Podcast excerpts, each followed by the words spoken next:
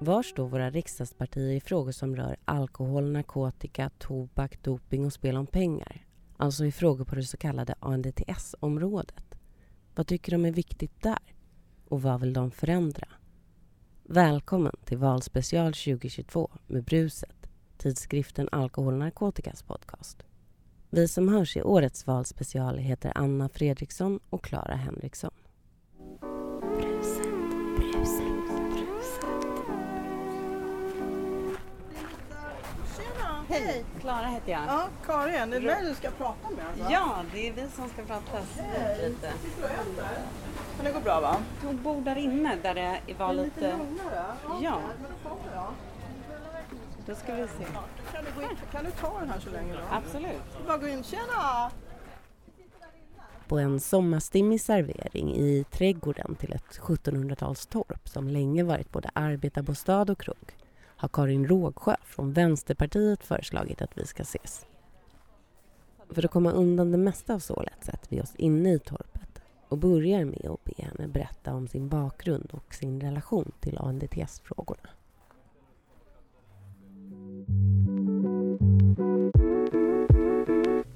Jag kommer från en arbetarmiljö. Som det var jätteviktigt för att börja plugga. Så jag är socio socionom. Eh, och jobbade ett tag jobbade som fältassistent i huvudstaden när det fanns eh, 16 fältassistenter i Solna. Väldigt stora satsningar på ungdomar. Och då kan man prata om bra samarbete med socialtjänst, skola, fritid och så vidare. Det flöt på väldigt bra. Eh, och det jobbade jag med ett antal år. Så började jag med på ett behandlingshem. Och det var då det började inte bli så kul. För då fanns det inga pengar, det var dålig verksamhet och så vidare. Och sen så fick jag, eh, mitt sista sociala arbete det var på LVM-hemmet Serafen. Så öppnade man 86 och det var för hiv-infekterade narkomaner. Där jobbade jag i ett och ett halvt år på LVM Serafen och då kände jag vid det, vid det tillfället så kände jag eh, tror jag Stockholms alla injektionsmissbrukare i alla fall. Mer eller mindre, för de hade varit intagna eftersom de flesta var hiv-infekterade och också dödsdömda. Men skillnaden mot idag då, för det handlar lite om det här, det var att de hade bättre eh, social förspänt. Alla hade en lägenhet. Och jag lovar det, alla hade en lägenhet som låg på, på Söder exempelvis. Jättemånga som man morsar på på Söder. Eh, och eh, man hade en socialtjänst och en behandlingsenheter som verkligen slöt upp. Det fanns väldigt mycket resurser då Eh, för dem och överhuvudtaget för socialt arbete. Så även om de var, eh, alltså de skulle ju dö, de var dödsdömda, de, det är klart att många tog livet av sig och så vidare, så hade de i alla fall innan dess haft en eh, om man jämför med dagens eh, beroende av heroin exempelvis, eller de som liksom faller, så är de ofta hemlösa. De mår sämre psykiskt, tycker jag, än vad man gjorde då, för att man har ingen som håller i sig så att säga. Man får bara ramla neråt. Det är min bakgrund. Och sen slutade jag med all typ av socialt arbete och eh, började jobba inom staten på olika ställen med information om beroende, om alkohol, narkotika, doping och så vidare. Socialstyrelsen, eh, Folkhälsoinstitutet, Alkoholkommittén, tillbaks till Socialstyrelsen och sen en sväng på Smittskyddsinstitutet och som sen blev ihop det blev Folkhälsoinstitutet och Smittskyddsinstitutet som blev en, en eh, myndighet och då blev det Folkhälsomyndigheten. Så jag har jobbat jättelänge med beroendefrågor och sexuella frågor runt sex och samlevnad, då, hiv-frågor.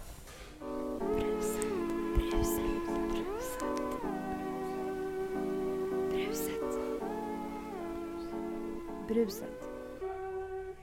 Du var med i vår podd för fyra år sedan också. Och då sa du att ANDT-frågor sällan diskuteras i riksdagen. Tycker du att det har varit så de här fyra åren också? Dels, det har hänt väldigt mycket i socialutskottet under de här fyra åren. Det har varit en väldigt kaotisk period. Politiskt, eh, pandemi, det har varit en väldigt märklig period. Men vi har ju träffats hela tiden, för vi är det utskott eh, och tillsammans med finansutskottet som har fått jobba och träffats. Eh, också så att säga live, men också förstås på...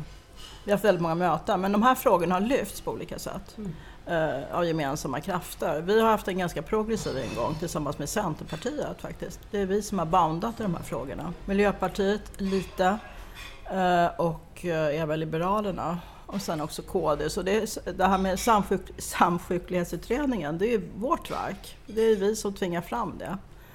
Eh, och det tycker jag var jättebra. Och överhuvudtaget så har ANDT-frågor när det gäller narkotika är vi ganska överens.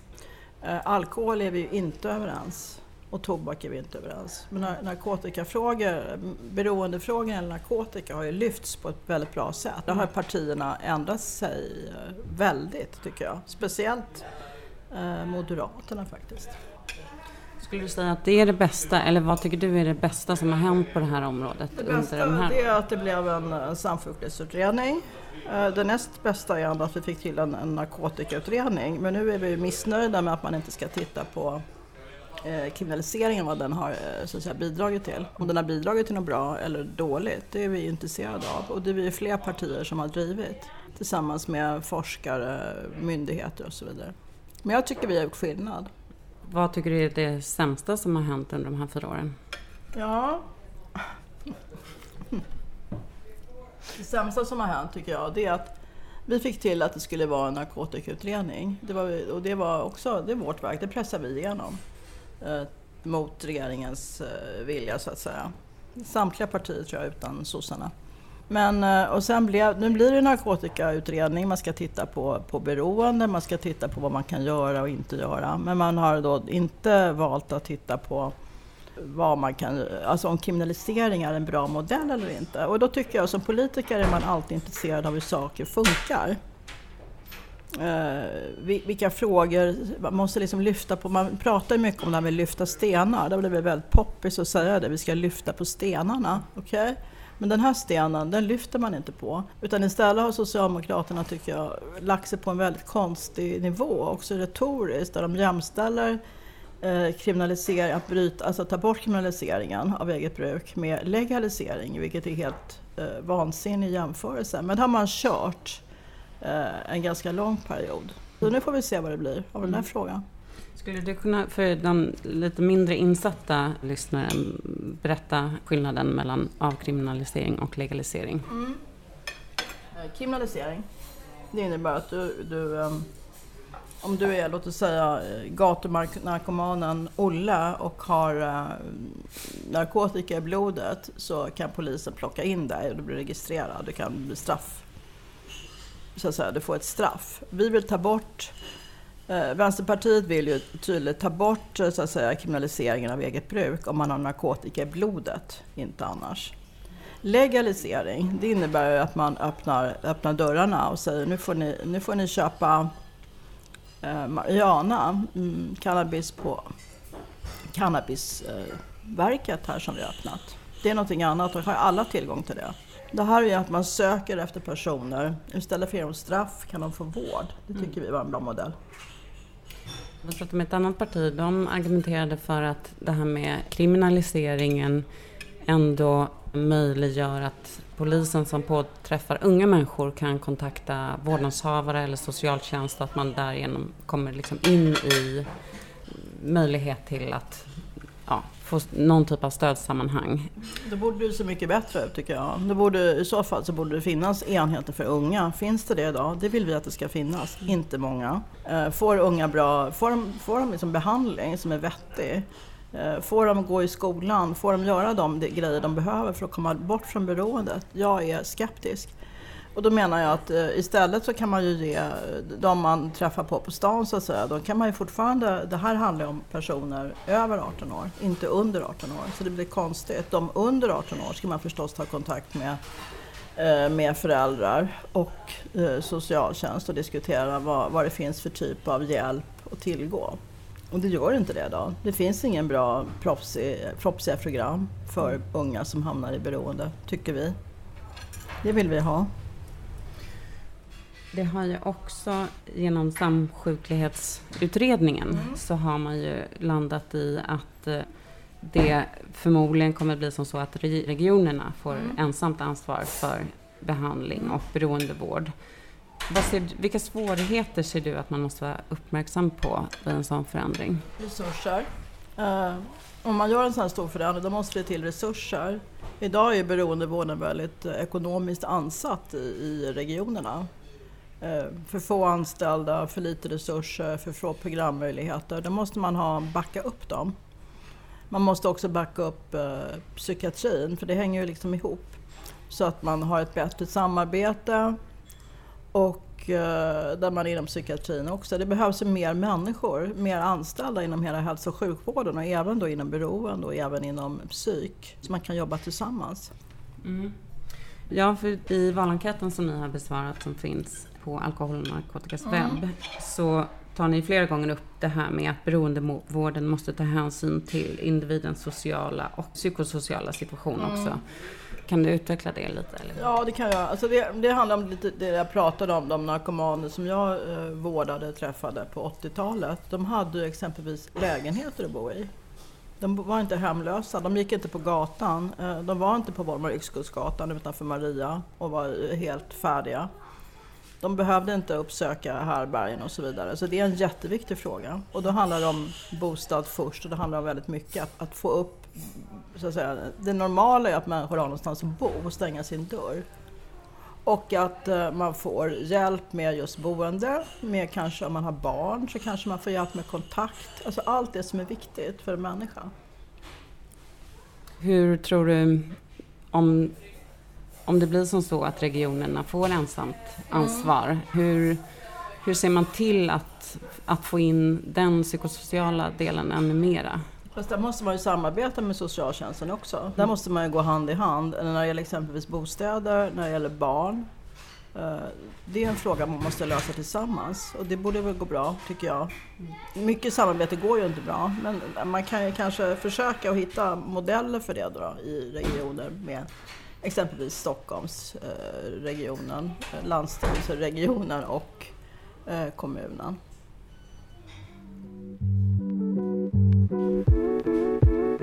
kommunen. Jag sitter och äter kan jag säga till de som lyssnar om ni undrar vad det är för slafs som pågår.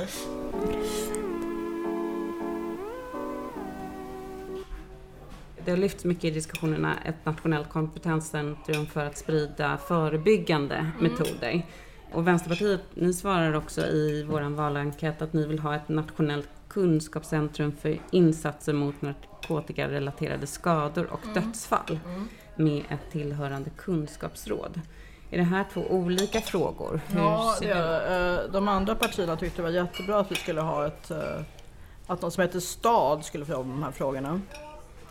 Eh, och Det tycker vi vi ska titta på lite mer. Alltså det handlar ju om dels om hur man kan förebygga. Vi har inte varit så speciellt bra på förebyggande arbete. Vad är förebyggande arbete? Det kan man fundera på. Vad är det? Det måste ändå vara att man har en skola som fungerar. Det är prio ett. Det måste alla vara medvetna om. Det spelar ingen roll om du har andra förebyggande pigga insatser. Om du samtidigt inte har en skola som funkar. Så måste man ha program för de unga som exempelvis är i ett beroende och ta fram det. Det måste finnas tillgängligt för alla. Det borde också ligga på ett kompetenscentrum, någon som tar fram bra eh, funktionella program. Och då tycker vi att det är bättre att det ligger på en myndighet eller att man ska starta en ny verksamhet på sidan om, eh, som är stad exempelvis. Vi tror inte på den modellen helt enkelt.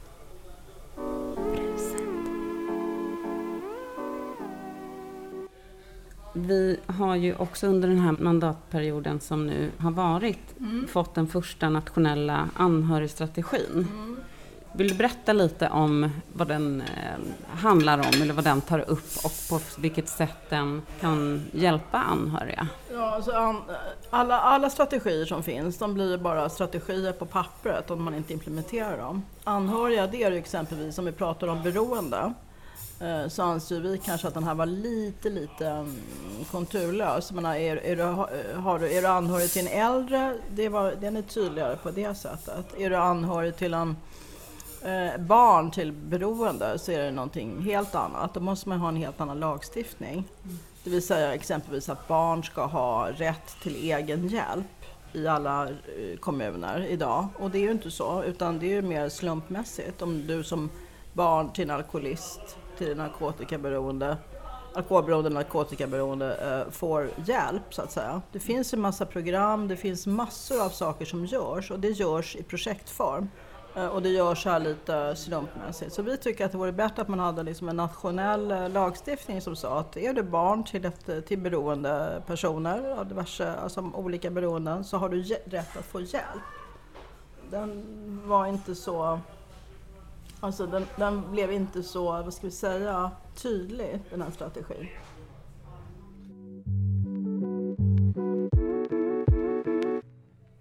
Ni är ju också det enda partiet nu som är, men ni är väldigt tydliga med att ni är emot gårdsförsäljning som ju har diskuterats fram och tillbaka. Ja, alltså det har blivit en oerhört viktig fråga för hela landsbygden. Ut- Utan gårdsförsäljning så, så faller allt kan det låta ibland. Och då kan man fundera på varför, varför är vi emot? För det första är den här frågan om, om det handlar om Systembolaget i väldigt hög utsträckning. Eh, och vi tror ju kanske inte att människor åker... Alltså, ju mer alkohol man kommer ut med i samhället desto större är riskerna för att folk ska dricka mer. Samtidigt som vi tror kanske inte att gårdsförsäljning ska bli eh, den stora springande punkten där folk börjar konsumera mer alkohol. Men gårdsförsäljning innebär ju inte att jag har en liten puttegård i Skåne, odlar en speciell druva eller vad det kan vara och eh, tar fram lite fina drickor och grejer. Utan det handlar om också de här ölbryggerierna som finns. Det pratar man nästan inte om utan det kan låta man får det låta väldigt idylliskt. Gårdsförsäljning, man ser hur familjen kommer till den fina gården, det små, står små får i en hage. Eh, man kan köpa fina produkter och det kommer att bli fantastiskt för den här familjen som har gården. Det här är också en enormt intresse från alkoholindustrin för den här frågan. Då kan man fundera på det. Varför är alkoholindustrin så intresserad av den här frågan och lobbar väldigt öppet? Eh, ja, det handlar om att de inte bara ska sälja sina egna produkter utan de vill ju också att man ska sälja deras produkter där på de olika ställena. Och man riskerar ju Systembolaget, alltså alkoholmonopolet. Och eh, samtidigt har vi partier, Moderaterna är väldigt tydliga med, många av Moderaterna, man läser deras motioner, att de vill inte ha något Systembolag. De vill att vi ska köpa alkoholen i, eh, på ICA. Så vi tycker det är en viktig principiell fråga helt enkelt. Men jag tycker också att det här är en fråga, är det här en näringsfråga för näringsutskottet? Det är många, när man debatterar här är det väldigt många från näring som, som är med och debatterar. Eller är det en social fråga, alltså som handlar om socialutskottet? Det kan man fundera på. Och här tycker vi väldigt olika kan jag säga. Lite olika ingångsvärden i det här. Mm. Sen En- tycker jag också generellt, så tycker jag, det handlar om tobak också, att man inte, jag träffar aldrig alkoholindustrin, jag träffar aldrig tobaksindustrin. Eh, även om jag får inbjudningar. Och jag förstår att andra träffar dem. Och det tycker inte jag är okej när man sitter i, och har eh, lagstiftande ställning att träffa den typen av lobbyorganisationer. Ja, det står väl till och med i den här tobakskonventionen, tror jag. Man inte får göra det. Men en slutlig fråga kanske då, eh, på ett helt annat område. Det handlar om Svenska Spel. Är det inte dubbelmoral att staten tjänar pengar på spel? Och det kan man ju tycka. Samtidigt så skulle man kunna säga det om alkohol också. Är det inte dubbelmoral att alkohol, eh, Systembolaget tjänar så mycket pengar på det här? Samtidigt kan man ju hålla det lite mer så att säga, kontrollerat. Spelmissbruk är ju en skenande fråga också. Eh, och eh, det är väl bra om man hittar former inom svensk spel som fångar upp de som spelar för mycket. Eh, diskuterar lite om, om hur, vilken typ av att det här kan leda till ett beroende helt enkelt. Det kan ju de göra på ett annat sätt och få uppdrag att göra än vad privata, de här privata eh, nissarna kan göra.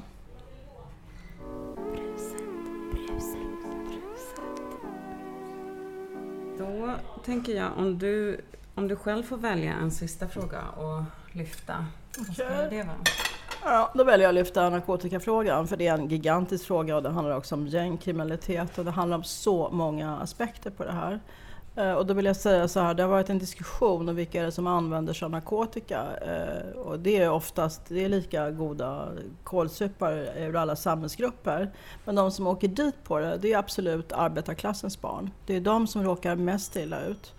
Eh, och ska man liksom göra någonting mot eh, narkotikan och mot gängkriminaliteten så är det så att man måste bygga upp en förskola och en skola som kan härbärgera barn och unga. Där alla barn faktiskt får möjlighet att gå ut med betyg, känna sig lite bra, eh, träffa föreningslivet, ha, ha något slags normaliserat liv. Och så är det inte idag. Om man ska arbeta förebyggande då måste man börja med skolan och förskolan. Anna, har du någon fråga? Jag tänker bara mm, den här kopplingen som görs i debatten just när det gäller narkotika och gäng, gängkriminalitet. Jag tänker att eh, gemene man, så när man tänker på narkotika så tänker man just på det. Alltså gängkriminalitet. Och jag undrar om du tycker att det är positivt för frågan i sig? Nej. Det, alltså, gängkriminalitet hamnar så mycket annat men den, det, det stora inkomstflödet det är eh, narkotika. Det ska man, det, så är det. Och sen är det också, man kan också fundera på andra saker tycker jag. Man pratar väldigt sällan om vapen. Alltså det är klart att om man ska skjuta ihjäl varandra så måste man ha vapen. Och det kommer in vansinnigt mycket vapen i Sverige. Lika viktigt då liksom att ta tag i den frågan. Och ska man göra någonting på lång sikt eh, och få unga människor att inte använda narkotika då ska man ju stärka deras, eh, eh deras känsla av att de är värda någonting. Att de har ett, eh, ett hopp, ett liv. Det är den viktigaste frågan. Att de, om de, de vet att nu går jag ut skolan, nu kommer jag få ett jobb, jag kan få en utbildning. Det händer någonting positivt. Pappa fick jobb, mamma fick jobb. Eh, allting flyter på. Och så länge det inte är så, så länge man har en ganska ömtålig grupp killar, för det här handlar om killar, som inte får den hjälp de behöver, då kommer vi sitta i, i skiten, ut, menar jag. Oavsett narkotika eller inte. Tack så mycket för att vi fick eh, prata med dig idag under din lunch Ja, också. smackas på i micken här. ja, Nu- tack för samtalet. Bruset, bruset, bruset. Vill du veta vad andra riksdagspartier står i frågor på ANDTS-området? Läs tidskriften Alkohol och narkotikas valenkät på webben och lyssna på fler avsnitt av Brusets valspecial. Bruset är tidskriften Alkohol och narkotikas podcast och görs av Anna Fredriksson och Clara Henriksson.